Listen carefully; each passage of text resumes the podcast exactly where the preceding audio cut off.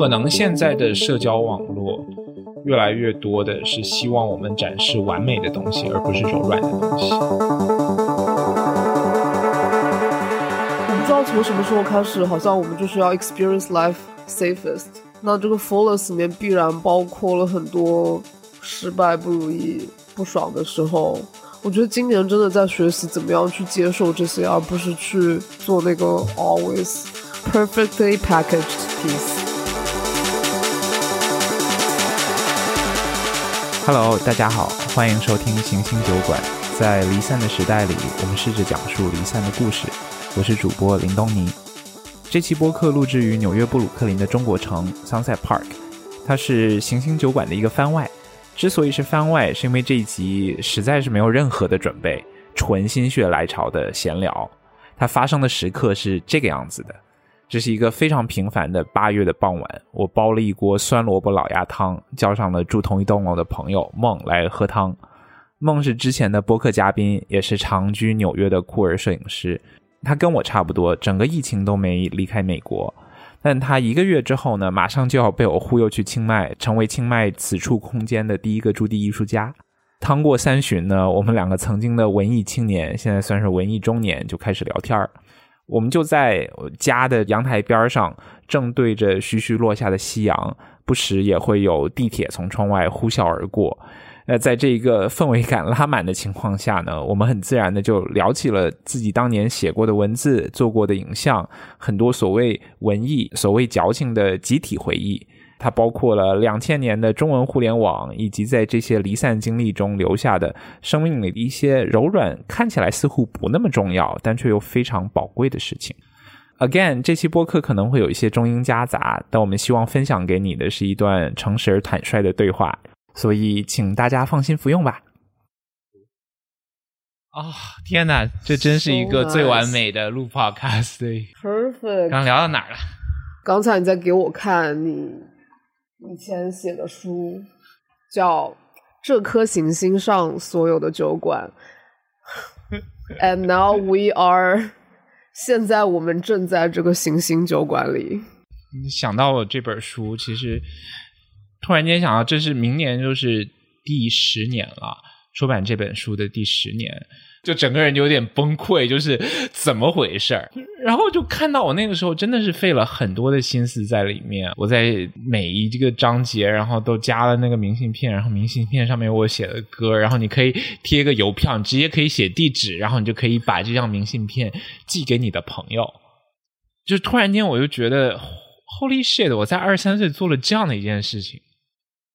所以这个真的很感人。我觉得这种形式是我非常我很怀念的一种形式。当所有的现在的大部分信息，我们都是通过一个扁平的屏幕来获取，不断在屏幕上添加 layers，去感觉这个平滑的屏幕能有多少 layers。所以，就是我觉得现在摸到手上摸到这样一本书，然后你好像每一页翻过去都会有一个惊喜，这种用心，我觉得现在很少见了。我当时跟我的出版社 Kubrick 就是有吵架，你知道吗？就是吵什么架呢？你把这个书的封皮你包下来，书的侧面，哇，它是像纸扎的一样的，它是一个手扎的那个样子。然后我当时的反应是，OK，我出了一本书，但它不是很像书，它有点破破的，这让我很难受，你知道吗？就是我说你不可以这个样子，但是他说我都已经印好了，就是这个 design 没有经过我的同意。哇，OK，我拿到的时候，我以为这本书的装帧出了问题。真的吗？我个人是很喜欢这种很原始的 DIY 的质感。我现在可以 get 到它的美了，但是我那个时候 get 不到。嗯、那你那个时候，你期望中的你的书是长什么样的？哦，我当时有自己画一个封面，然后就是一个小人，然后呢站在那个地球上面，就是一个很小很小的人。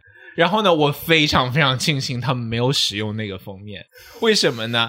因为你仔细想一想，那个封面一个小人在一个地球上，然后呢，在一个宇宙里面的那个样子，非常 literal。一个是非常 literal，再一个我后面突然间意识到，它就是他们的微信的 app 开屏画面，Oh 你知道吗？Oh my god! Okay, there's something funny. 讲到微信，我的第一个纹身当时是就是纹了一个 aperture，我当时是觉得哇，我好热爱摄影，然后我觉得 the way of seeing is so beautiful，然后 anyway 我做我就找了一个最中立的 aperture eight 的一个光圈，光就是圈就是你这个镜头里面，你这个镜片张的多大，就是、嗯对。Anyway，然后我当时就做了这个光圈的纹身，然后结果几年之后，朋友圈出现了。就是一个光圈那个样子，你就纹了一个朋友圈在你的胳膊上。就是我之后的朋友看到我这个纹身都是这么讲的，就说你怎么纹了一个朋友圈在上面？但是我在当时真的是有文艺的用意的。我觉得其实好像来了美国以后，就是那个文艺青年的身份，somehow 就退居二线了。美国的文艺青年有美国文艺青年的坐标，中国的文艺青年有中国文艺青年的坐标。美国文艺青年你再文艺，大部分人不知道豆瓣是一个什么东西。Oh my god，豆瓣真的是人生的重要成长地。嗯，我我现在依然有在上豆瓣，但是自从他让我们实名制去登录的时候，我就心情很复杂。我的豆瓣都不知道什么时候就就消失了，就是我有很多社交账号，它就是消失了。嗯哼，就是我可能忘了我的密码，它有一天它就是实名制了，然后它改了一个什么东西，我没有国内的手机号，它就没有了，有就是我们生命的一部分就这样噗就就蒸发了。真的，其实最近在反思，为什么我在中国社交媒体上没有了表达欲，就是因为我想到我其实从小到大都是一个挺喜欢在网上空间表达自己的一个人。就我之前有在很早开始做 blog，、啊。然后博客大巴，对博客大巴，就是博客大巴，你知道有多伤心吗？就是突然有一天上去，他就四零四了。对啊，就是我是那个有一直回去关注我是不是能够重新登录回那边下载我之前的档案的，嗯。然后他们就有一个 small opening，啊，我就相当于 hack 进嗯。去，把我之前所有的 blog post 全部都下载下来，啊，就是那二零一五年之前那些非常狠狠唧唧的是是是是自我独白，对，就是它、嗯网络还是一个你可以表达你自己的脆弱，你的 vulnerability。对对，而且大家会有这些素不曾相识的网友，就成为你这个 blog 里面链接的那一部分。我要给你看一个神奇的东西，这可能是我人生接到的第一个推广吧。然后就是把你自己的微博变成一本书，打印成一本书，就是 Oh 从一个时间到你购买这个服务的那个时间，就是他们当时就是 reach out 他们的推广就跟我说，哎，你那个我们能不能给你做一个这个东西，你给我们发一下帖子这样子。然后呢，然后呢，我就做了。然后我那时候还觉得啊，自己出卖了 自己的这个 social media 的这种贞洁吧。然后 天呐，这个很感人哎。然后，但但是现在就觉得哇，它好有意义啊！这是一个我我应该要去付费的东西。，Oh my，God 就是因为很多这些东西它变成了实体之后，你没有办法被删除了。现在这些微博它可能都被设置成了半年内可见吧。嗯然后？呢，我又把它变成了一个，就基本上就就不怎么发东西了嘛。然后我我之前发的东西很多，可能现在都未必过得了审了。所以它变成了一个实体的东西，它就会存在在这里。哦它其实就就 somehow perfectly 记录了某一刻的中国互联网，它一个实体的形式存在着。那与此同时，那世界上其实还是会有很多其他的人购买了这个服务，所以说还是有一点点那个时代的横截面在那里，并不会完全被删除掉。这个真的很感人哎，这个真的让我觉得天呐，想到了太多突然被关掉的家园和我自己曾经在那边贡献过的 digital footprints。我不知道你你自己在读这个这本书的时候我可不，敢，我可不敢读。天呐，这个很 sweet，就是快来人把我手剁了。十一月十一号，二零一四年，那个时候的你好像在双十一嘛，哦，哇，这个真的哇，你现在听到你当时写的东西的时候，什么感觉？这完全就是一种公开处刑啊！你现在就翻着这本书，我怎么就把这本书给了充满了武器的这这些东西就交到了你的手上？这个为什么是武器呢？就我觉得，在我看来，这个是一个很 powerful 的东西，就是你当时真实的每天的表达。你一天会发五六条，有些时候几乎是啊，就是感觉那个时候你起码对这个空间是觉得很安全的。是的。我觉得这里面我已经很久没有看到过的那种很真诚的，对对对，很真诚，很真诚。我觉得在 Twitter 的这个空间里面嘛，虽然说 Twitter 现在已经变成了奇形怪状的，那以前也是一个很奇形怪状的东西，但是我就觉得它是一个充斥着各种各样 discourse 的一个空间。这个就是所有的 Twitter 的用户跟深度用户也都非常非常的明白，它就是。你一定要变得很聪明，或者很幽默，或者很 snarky。你一定要做到一个 snarky 的一个地步。我就觉得这个词中文怎么说？狡黠，好像也不是。就是有一种你要在鄙视链上的上比别人高一截，你要不断的对人实行一种降维打击。It feels like everything you to say have to start with well, actually. 哦天呐，就是听上去感觉是一个很少有互相同意、互相去就是接受的一个空间。我我自己是没有怎么用 Twitter，哦，你 Instagram 呢？你觉得？我不怎么用 Instagram。我觉得 Instagram 上面也是这些年来变化很大吧。嗯，我觉得刚开始的时候，它是一个我就是拍了什么我觉得挺好看的照片，想要跟大家分享，就发一下这样。然后慢慢的，它变成了一个，我就从我做职业摄影之后，它变成了我的一个作品集，就那个就变得很 stressful。然后我就开始关注的人也更多的是我的我这个圈子的人，嗯，然后就变得好像是一个呀，就是挺复杂的，就是感觉我需要在上面 perform 某一种。人格，yes，但是我不觉得，对，我不觉得那些全都不是我，但是那绝对不是全部的我。就是我，我其实我有尽量在我的 Instagram 上面保持真诚的我，但是慢慢的，我就习惯性我 conditioned to curate my feed，然后并且 conditioned to respond to the crowd around it。我觉得这个我们聊着聊着，其实就变成了两个文艺青年如何在网络上失语的过程。Oh my god！哦，这个让我好 emotional。哎，是啊，但其实并不是我们，我觉得这是一个非常非常普遍的现象。前一段听疲惫娇娃他们聊 QQ 秀。就是 Barbie，所以你就装扮 Barbie 和 QQ 秀，就是当年的这个 Two Y Two K 的这种这种东西，它有一个奇妙的平行。哇，QQ 秀、QQ 空间，对，MSN Space、Blog CN、Blog Bus，你有就是玩 QQ 秀什么的？QQ 秀我好像只有浅浅玩一下，但是因为那个时候我记得没什么钱。啊。但是我就是会换一些服装，但是其实那个时候好像又是我的性别意识启蒙吧，就我总觉得好像这里面选不到我适合我的嗯服装，嗯，呀，好遥远啊！你有玩吗？那个时候？我那个时候啊，我觉得是个好肤浅啊，好 shallow 啊，怎么会这么那个什么？但是你又穿着一个，你什么都没买，你就是穿这个裤衩嘛？他明显就是在 shame you into buying this thing 嘛？那我还是要勉为其难的装扮一下嘛？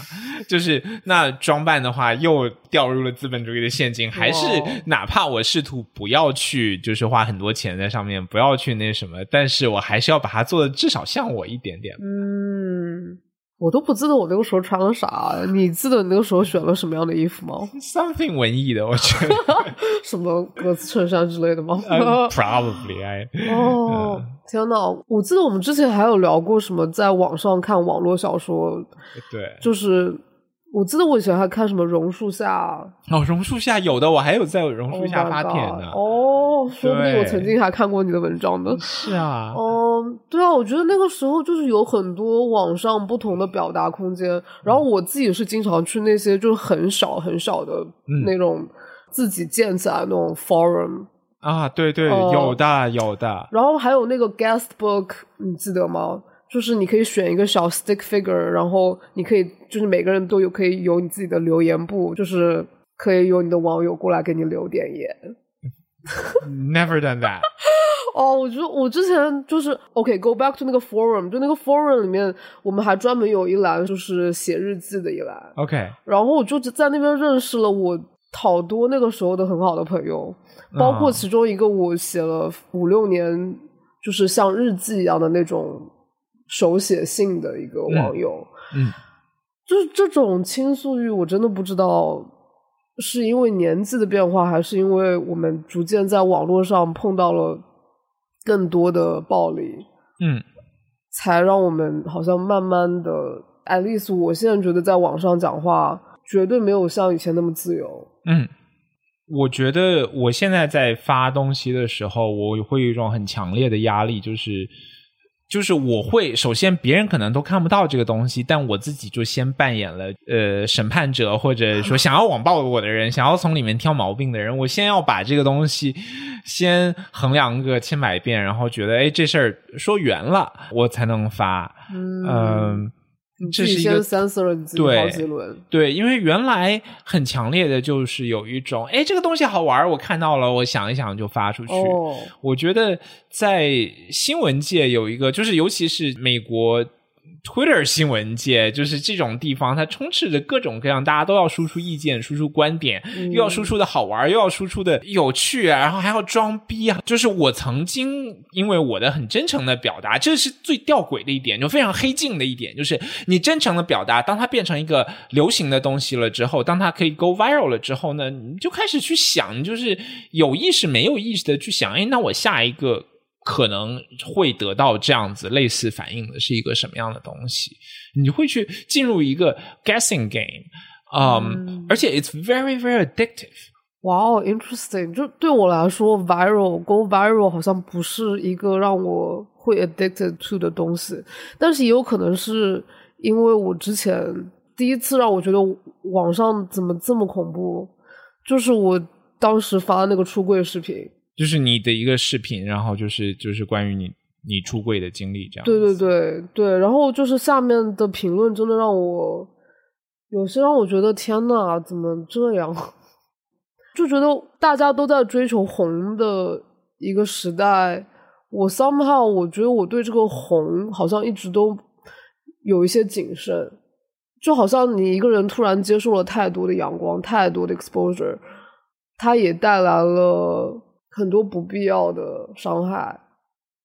但是我觉得这个可能就是我之前的一个最初一个对 popularity 的一个 response，我在那个时候也没有任何人替我准，就是是对啊，我觉得 social media 真的 it's supposed to be fun, so what's the changing point？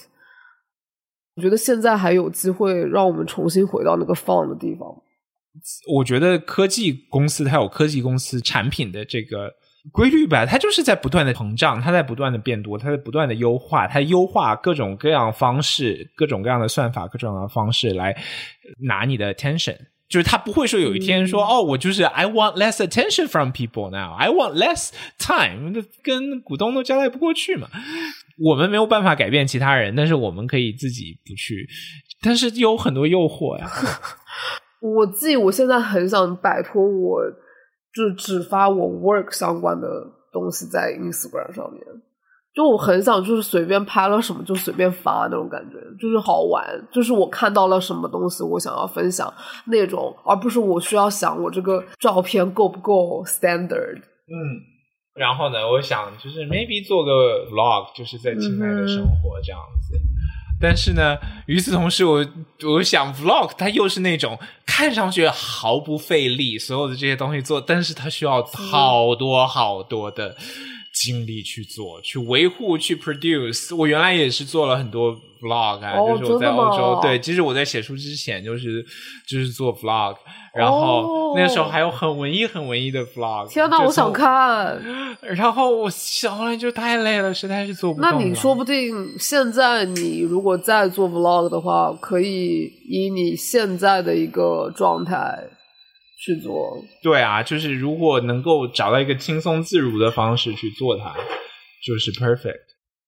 哇，我我也很想做 vlog，那你过我们过去就是一起就做一做先呢。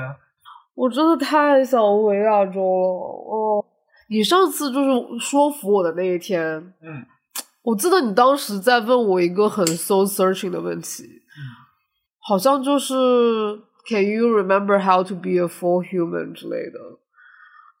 就是我觉得最近这个绿卡申请松绑这个事情，我记得你当时还问我说你你这个申请过了，有什么事情是你不再想做的？嗯，我觉得我现在还在想这个问题，就是因为有些事情我好像 I feel like I had to do for so long，OK，就是我有时候都分不清楚哪些东西是我必须要做的，还是就是只是因为 I have been doing that。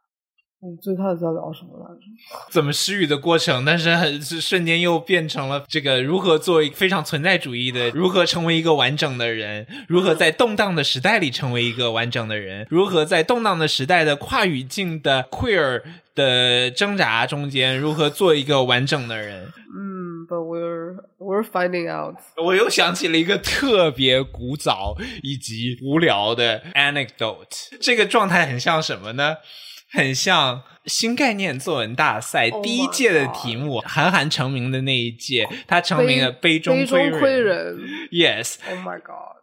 一团纸放到一杯水里面，如何舒展开这样一件事情？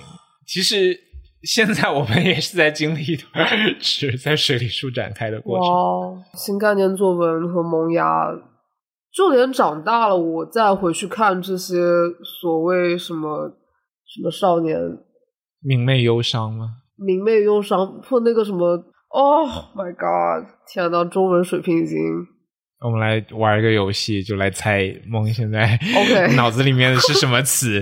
什么词来？你来形容一下。就是那种你其实并不懂什么是真的丑，但是你为赋新词强说愁，对对对对，对，就是我觉得嗯我现在依然很喜欢看这种文章。我觉得当时看什么安妮宝贝啊，类型的文章，总是有两派声音，一派声音是非常鄙视这类的文章，嗯。一派声音是非常喜欢这类的文章，嗯，就是导致有的时候会要好像偷偷的喜欢这类的文章。是是是。但其实我我一直都很喜欢这类的文章，是就是是。我觉得那种非常抒情的、非常 detail oriented、非常描述你情感的文字，会让你静下来，进入另外一个人的心境。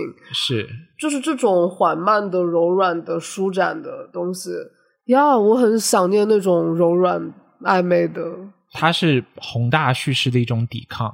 嗯，真的是靡靡之音，我从小就喜欢靡靡之音的 fellow。你看邓丽君那个时候嗯为什么会被当做靡靡之音，或者说像王菲那个时候，因为我从小我觉得我家里就对于女性气质这种东西就一直就啊，你怎么看《红楼梦》？怎么这这小孩子不是应该看三国、看水浒？我觉得这个样子。对，所以其实那个时候是经历了很多的。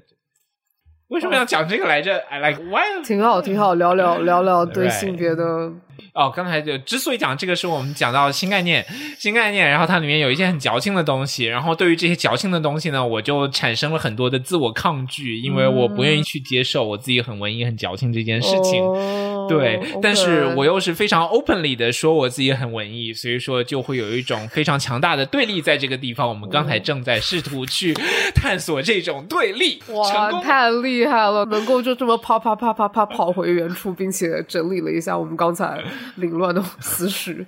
呀、就是我觉得这个真的是我们后来，at least 我觉得对于我来说，是我花了很久时间才去 reclaim，才去重新把它列入到我武器库里面的一个东西。呃，对，我就觉得可能现在的社交网络越来越多的是希望我们展示完美的东西，而不是柔软的东西，总结的好，所以它就变成了一个，它就很累，它变成了一个包袱哟、就是这次看 Barbie，啊。其实你刚刚讲过，会想到 Barbie，在 Barbie Land，everything's perfect，everything's bright，everyone's nice。嗯，但是它就是带着一种 plasticity，、嗯就是那种塑料感。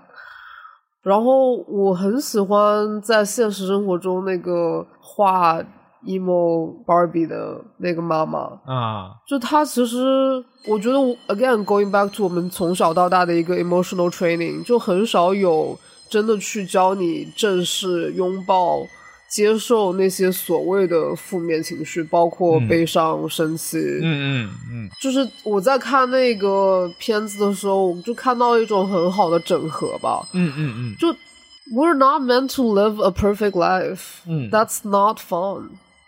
对，我觉得我们其实，在聊什么人生 mission 的事情，就是我我觉得可能，我觉得自己对自己的一个 mission 可能就是要 experience life to the fullest 吧。我不知道从什么时候开始，好像我们就是要 experience life safest。那这个 fullest 里面必然包括了很多失败、不如意、不爽的时候。我觉得今年真的在学习怎么样去接受这些，而不是去做那个 always perfectly packaged piece。我觉得有一个，当我到了人生某一个阶段之后，我就特别想实现的，就是做一个离散者，做一个移民，就是我如何不去抠抠缩缩的活着，就是我如何不去想着说，Am I acting weird? Am I? Are they looking at me because of this or that? 就是如何不活在框架里面？就是我们已经证明了，戴着镣铐跳舞，背着右手用左手跟人打架，我们可以打得很好。那我能不能就是两只手伸开了打呢？我刚刚就想到，我最近上了一个 somatic move- movement class，就是一个即兴舞蹈的一个课。嗯，然后他就里面提到一个 concept，就是说，想象我们自己是三百六十五度盛开的花朵。我在真的去停下来去感受那个盛开的时候，我发现我的整个身体、肩膀、背、腰，它都是在一个习惯性蜷缩的一个状态下。嗯嗯嗯，人在异乡，我觉得我们已经真的做了很多努力，在这边扎根，成为一个新的自己。但是还有一部分的自己是可能只能在非常具体的土壤才能够舒展开来的东西。那这个土壤就是 physically 在物理意义上它也不太存在了，就是你说白了，你回国我也不是那个样子。唉，我觉得就是在某一个时刻，所有的感觉自己身在异乡的人都不得不面临一个问题，就是如何去接受这个新的世界。不接受也是一种接受，就是有一些人，就是我一辈子就是要回到故土去的。对啊，就是尤其是我们上一代嘛，心心念念的这些很多人，就是两地分隔的，因为政治原因，因为这些，大家的信念就是我走了，骨灰也是要回去的嘛。但是你看，像很多的这些这些移民，像下南洋的，像这些，大家就是接受了一种新的生活，就是心安即是无家嘛。怎么样寻到这种心安？也就是，大家的都往去指向了内部，怎么去寻求心安这件事情？所以，怎么样的时刻你感觉到心安？相对吧，都只能说是相对而言，因为毕竟父母在不远游，那都是有家人在，就又是很难。但是就是我觉得，当我这次离开了纽约，然后呢，跑到了各地，然后呢，发现，哎，我在其他地方我还可以住下来，我可以找到一个更爽的生活方式。在这一次的途中，我有一些时刻是很清晰的感受到了我曾经在五六岁的时候，那个时候的那种纯粹的快乐。那这个就是一个心安，我觉得，哎，我可以创造这样的东西，我不需要，哪怕在这么多的俗事缠身的时候，我还可以创造这样的时刻，给自己创造这样的感觉，这就是心安。我们可以自救，真的是时候建立新的秩序。这个库尔建国的库国的原地建国，真的库尔建国。都 怎么讲到了这里呢？我们再来再来哦，对对对，在前面是什么样？我们来总结一下，从从一开始咱们的一场大型发散行为。这集的起因是源于上一集的博客。上一集的播客，我们聊到了九十年代的 KTV，然后呢各种各样的歌，然后呢就从上一代的播客录完之后呢，我就感受到了很大的力量，然后我就把一首我花了很长时间在清迈构思好的歌给写完了，produce 完了，非常的开心。最大的转机呢是在上一集播客里面提到了很多王菲啊，很多莫文蔚啊，很多这些非常柔软的、非常。细微的这种女性的声音，然后呢，我就用类似的声音，用类似的感触去制作了这一首歌，然后呢，就放了这首歌，然后我们就开始聊这些很柔软的东西，然后呢，我就拿了我的书给梦看，看了之后，我们就开始聊豆瓣，聊 Blog Bus 博客大巴啊，榕树下。新概念，呃，以及微博、社交媒体，我们一开始在社交媒体是如何表述柔软的东西？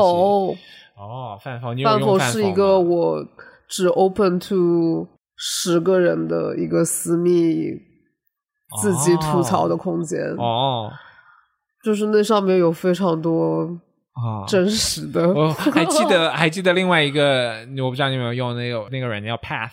哦，yes，pass，我下载了我的我的 archive。当时它的这个 draw 就是最大限定，只能加三十个人，还是五十个人，还是怎么样？反正就是小范围。对，我觉得很 sweet。我当时有一个关系非常好的国内的朋友，啊，就是我觉得当时有那个 app，让我们的关系能够维持的更加紧密。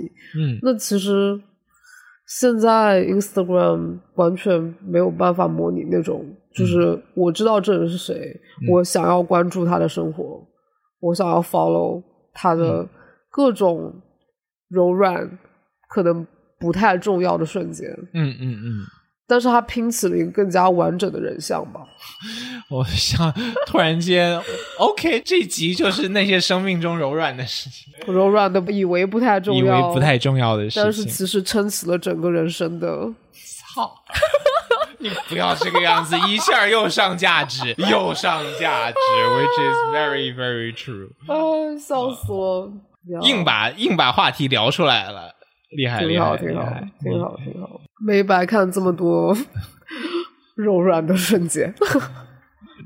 所以你当时是有追什么晋江的那些文？我当时有追很多同志小说嘛，然后嗯，我当时还有追。一路同行里面的直播文，还有不同的哦，还有那个豆瓣 Last Sky 小组里面的直播文，嗯，当时还可以非常非常酸爽。现在已经小组已经被雪藏。OK，我有一个特别特别神奇的，就是这种记忆哈，在我的脑子里面，就是真的是完全没有任何用。但是你记得豆瓣当时出了一个特别特别阿尔法城，Yes。Oh my god！我好久没有想起这四个字了，但是 I remember，就是阿尔法城是一个我不 get 的产品。但是 it was cute. It was cute and probably ahead of the 元宇宙。对，对啊，对啊。阿尔法城元宇宙，豆瓣元宇宙。哇！你现在想要文艺的时候，你会在哪里抒发你的情绪？没地方了呀，就没有地方了，就就没有啦，就非常不爽。播客嘛，就就找到了一个新的。抒发空间，但是他的他的感觉又很不一样。它不是一个公共场所，它还是一个私密的交谈。我就觉得，所有文艺的东西，现在能够接得住的是朋友之间。嗯，就是我，但是我觉得另外一点是，所有的朋友身边很多的朋友也在经历漫长的一个这样的改变吧。越来越多的人就是去拥抱自己的爱好，去去发现这些爱好才是生命中这个才是应该是一个全职工作。Right，对，然后所以说我就觉得，哎，那我以后就可以给我的朋友们制作音乐音乐了，你就可以教我怎么去摄影啊，就是大家都有自己的非常成熟的 skill set，就可以慢慢去交换。真的，这个 skill share 现在我们可以真人做起来了。就你刚刚在讲的时候，我就我就脑子在过一些就是豆瓣当时会 follow 的人啊，嗯，就里面其实很多人，我小时候是看着他们的照片长大的，嗯嗯嗯。然后现在最近其实我接到了一个展，它是一个 queer contemporary photography 的展，嗯。然后它里面请了我和就是我的偶像们，嗯，就是有一种觉得他内心有一点小窃喜，嗯。但是其实这个我自己内心的这种 fandom，在我现在很多的朋友圈里面是完全引起不了共鸣的，嗯嗯嗯。嗯，但是我觉得好像像豆瓣，就像各种线上的这种文艺小组，嗯。它给了你一种你很小众，但是你周围有人嗯。的感觉。但现在我觉得我们真的在一个很奇怪的时刻，就是这些所有以前的小众的东西都拿来变成一种可以被消费的东西。嗯嗯，就我觉得内心的有些时候的反骨，就是不想要 call up into that，但是我也没有办法，嗯，跟自己反骨，就 内心就是那样的人。嗯，你接下来想要做的项目是一个什么样的？我讲真，现在都没有时间去想这个问题。是就是我觉得有一些我一直都很想冲，就是做的项目，但是我又很想把嗯空间打开，在清迈让清迈去影响我。嗯，Can't wait。对那我们到时候就会在一个旁边，就是真的那些鸟非常非常 Oh 吵就是住在那边，就是有一种就出去想就想把那些鸟给突突突了。哇，呃那我爸你知道吗？我爸是一个摄影爱好者，啊并且他现在的爱好是拍鸟。拍鸟，那他会很开心。我们来的一个那个 resident 一个朋友，他是观鸟的，然后他就有一个 app，然后就在那里听，他告诉我就是一二三四五，就是几种不同的鸟，然后它们的叫声是什么样。然后呢，我就跟他说说你要给我找这只，就是那个声儿，就最他妈烦的那个声儿。然后，然后呢，那个声音就是出自于噪鹃，噪音的噪。你想象一下，那是一个什么样的生活？If it's named for how loud it is，我也想被鸟叫声吵醒，其实。be careful what you wish for。对，我觉得你当时讲到泰国的生活状态，就是让我非常向往的，就是一种好像跟自然的节奏重新链接上的一个感觉。我觉得在纽约生活了这么久，就是这个城市 is run on machines，so、it's just crazily fast、我觉得有的时候一些住在别的地方的朋友来纽约，然后我才会意识到，哇，我自己真的是一直在飞速的奔跑，只是我周围的人也在飞速的奔跑，所以我没有感觉到。但我这一年下来慢下来之后，那天在跟朋友们在阳台上吹着夏夜晚风，看着日落，吃饭的时候，我就觉得，其实我完全不管我在什么样的环境里，其实都是有权利去选择一个慢下来的、柔软的时光的。嗯所以其实有的时候我就想，就是我觉得最开始的那种拍摄，或者是 create，或者是就那种冲动，就是一个记录一个美好瞬间的一个冲动，可能是我想要做 vlog 的，或者是做任何记录性的东西的一个动机吧。但当我想到要怎么样去把它变成一个产品去卖出去的时候，它就让我不知道要怎么样 move，就好像有别的声音在在决定我可以怎么做。嗯然后这个东西就是一个我非常想要抗拒的一个声音。这是为什么？我觉得我可能就很想念，很想去泰国感受一个。我如果我我赏我自己，我给我自己一个 residency to create whatever that comes through me，然后到最后再去看看我到底做了什么。我觉得咱们可以就是到了泰国再聊一次，真的，我我觉得在纽约，我这次回来几个月，我就时不时的，你刚才说的那种，哎，再难的时候也要找到时间去珍惜当下，去看到柔软的东西，看到美好的事情。我觉得我是很努力的在做，而且也找到了很多很美好的时刻，比如说像像现在。但是呢，我就发现它这些东西，它的前置条件都是再难的时候也要。永远都是这个样子的，我就很想要哦挪掉拿掉这个前置条件，然后就发现任何时刻它都应该是它的这个基准线应该是很高的。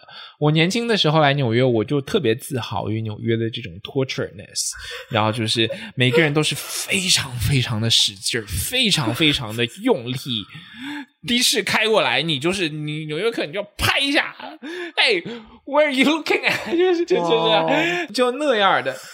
我那个时候就觉得很引以为豪，那就觉得我可以在这个地方 make it，就是能够拼下去。但是现在就觉得我已经证明了之后，就没这必要啊，咱们并不需要这个样子，没这必要，或者说一年你只需要三个月是这个样子，剩下九个月还是该 chill 就 chill。就像那个，我不知道你有没有看过《Hunter Hunter》啊，那个日本动画片里面，就他们要去 York New City，OK，经历是啊，就是各种一百零八层的一个试炼嘛。对对对，就是我觉得我当时 COVID 期间重新看了这个动画片，就觉得我们不就是那一群热血少年吗？就是在 York New City 里面，嗯，打拼。就各自有各自的包袱，各自有各自的 skill，然后在一起的时候就 stick together，但还是保持一个自己的特征吧。然后就等你练够了，你就回去享受一个很美好的与自然和谐共舞的一个状态啊。但是我们就一不小心在纽约待了太久了，就忘记了其实整个世界还是在以另外的节奏运作的。嗯，所以我觉得在这在桑塞帕尔真的有让我舒缓下来。但是如果如果泰国比桑塞帕尔更加舒展的话，我觉得从到了清迈，我们就是 revisit，甚至可以再听一听当时的困惑究竟是怎样的。但是我我记得我当时真的是四个字，就是感官爆炸。对，But anyway，我觉得更重要的是这种这种自由吧。我觉得。你很快就会到那里，然后去，就真的什么都别想，不要有任何的预设，就是在那儿开开心心活着。我就 对我觉得开开心心活着是我的 next phase，就是是我下阶段的重要议题。我在不断的就是旅居的过程中，每到一个地方，那。这个旅程它就会有自己的难题，我有自己需要攻克的心魔也好，我有自己需要去处理的问题。那在清迈的这一段生活，我打通了我游戏的那一关，就是我在一个放松的状态。还能不能找到点子去做？能不能找到事情去做？我原来会有一种很不理智的恐惧，这个恐惧是我原来从来没有过的。就是 OK，我如果辞掉了这个很卷的工作，我我如果不去做这些事情，那我是不是整个人就散了？我是不是整个人会垮了？我是不会一蹶不振？或者说我甚至离开了这个职场，我再回来又找不到工作了，怎么办？怎么样？怎么样？但是我还没离开职场呢，我就已经想着我应该怎么去这重返职场时候遇到的。问题了，那真的是在舒展了之后，很自然我就发现根本点子来了，挡都挡不住。洗个澡也是点子，然后就是，而且慢慢你的东西会，我自己的感觉是，我的东西是越想越大啊，因为你见到了，你有了更加丰富的生命体验，你发现你可以给自己创造更 literally 更多的物质和精神生活。的时候，你就会忍不住的去想更大的事情。哇，我迫不及待了。我觉得纽约，我没有想过，好像在纽约，好像也会有一个，好像碰到了一个 glass ceiling 的感觉。嗯，对，我觉得 glass ceiling 它的刁钻之处就是他妈它是 glass，你看不到它，你只有 就是真切的去感受它。呀，我原来不相信 glass ceiling 这件事情。我我当时是觉得这个 glass ceiling 像我，但是那是你卷失败了嘛？你卷失败了才有 glass ceiling 的嘛？你要成功了，你不就没有了吗？但并不是的，我现在就意识到这个 glass ceiling 它是一个 self perceived 的事情。当你要把百分之八十的精力花在 deal with white people's whiteness 上面。当你要去 deal with Americans Americanness 上面这些东西，那你就会忍不住的去想：我如果把这些东西就是全部都用在我自己习以为常的事情上面，我不用去解释，我去更开心的事情。所以说，这个 class ceiling 它其实是一个自我的东西，你自己对你自己的潜力和你自己命运的认知。Damn！所以你觉得你在清迈突破了你哪些对自己之前的认知？就是一个就是 OK，I don't need American job market。这个世界上是有另外一批 audience 的，他们可以接受我的中英夹杂，他们可以接受我们的人生体验是在一个一个的缝隙里面。我们都有很破碎的自我，但是我们都在一块一块的试图把它给捡起来。对，我就突然间有了一种信任，就是我如果找到了这样一个适合我自己的生活，那四散在各地的朋友们都会很努力的用自己的方式找到自己的可爱的生活。呀，我我很我很好奇，那是一个怎么样子的状态？就是我觉得我在这边已经尽我所能。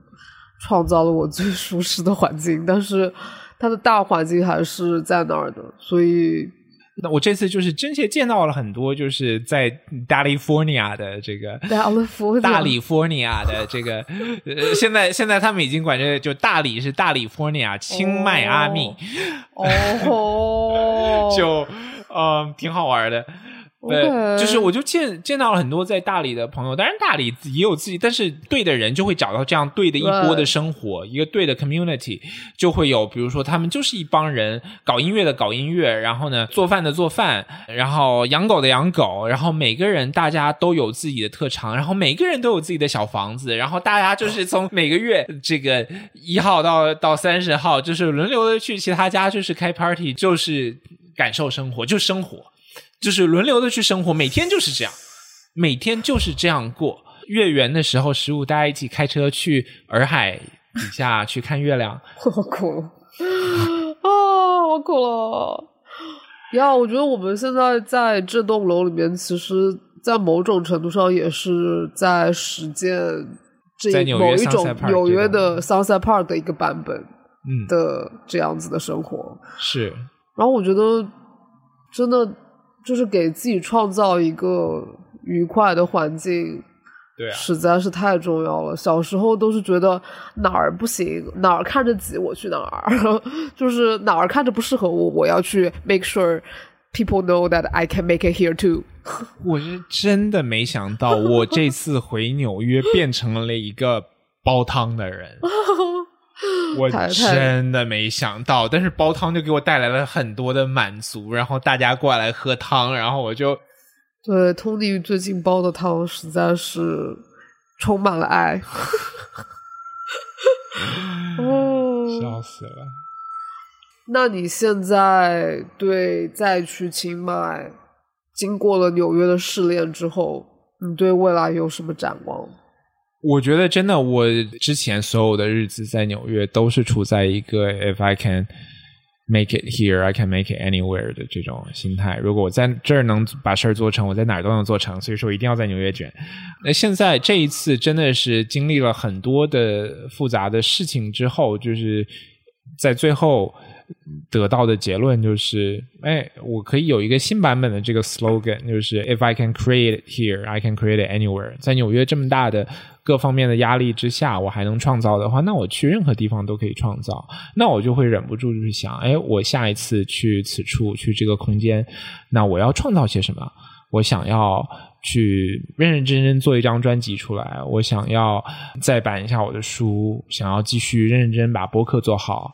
想要把清迈的空间打理好，然后呢，多请朋友过来，然后呢，做就是 host 一些 workshop，然后就是突然间，这这些东西它自然而然就就会出现，就会发生。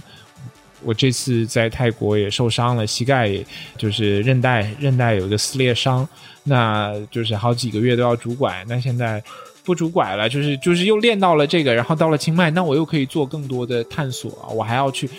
那个你知道，在清迈我们原来就特别喜欢做的一件事情，就是看谷歌地图上这有个湖，你看它有没有地标，我们在这里标一下，哎，这个地方有一个什么东西，很很好看，然后然后就就拍过去，这样。啊，我要去。就还有更多东西可以探索，然后，对我觉得 so much life to live。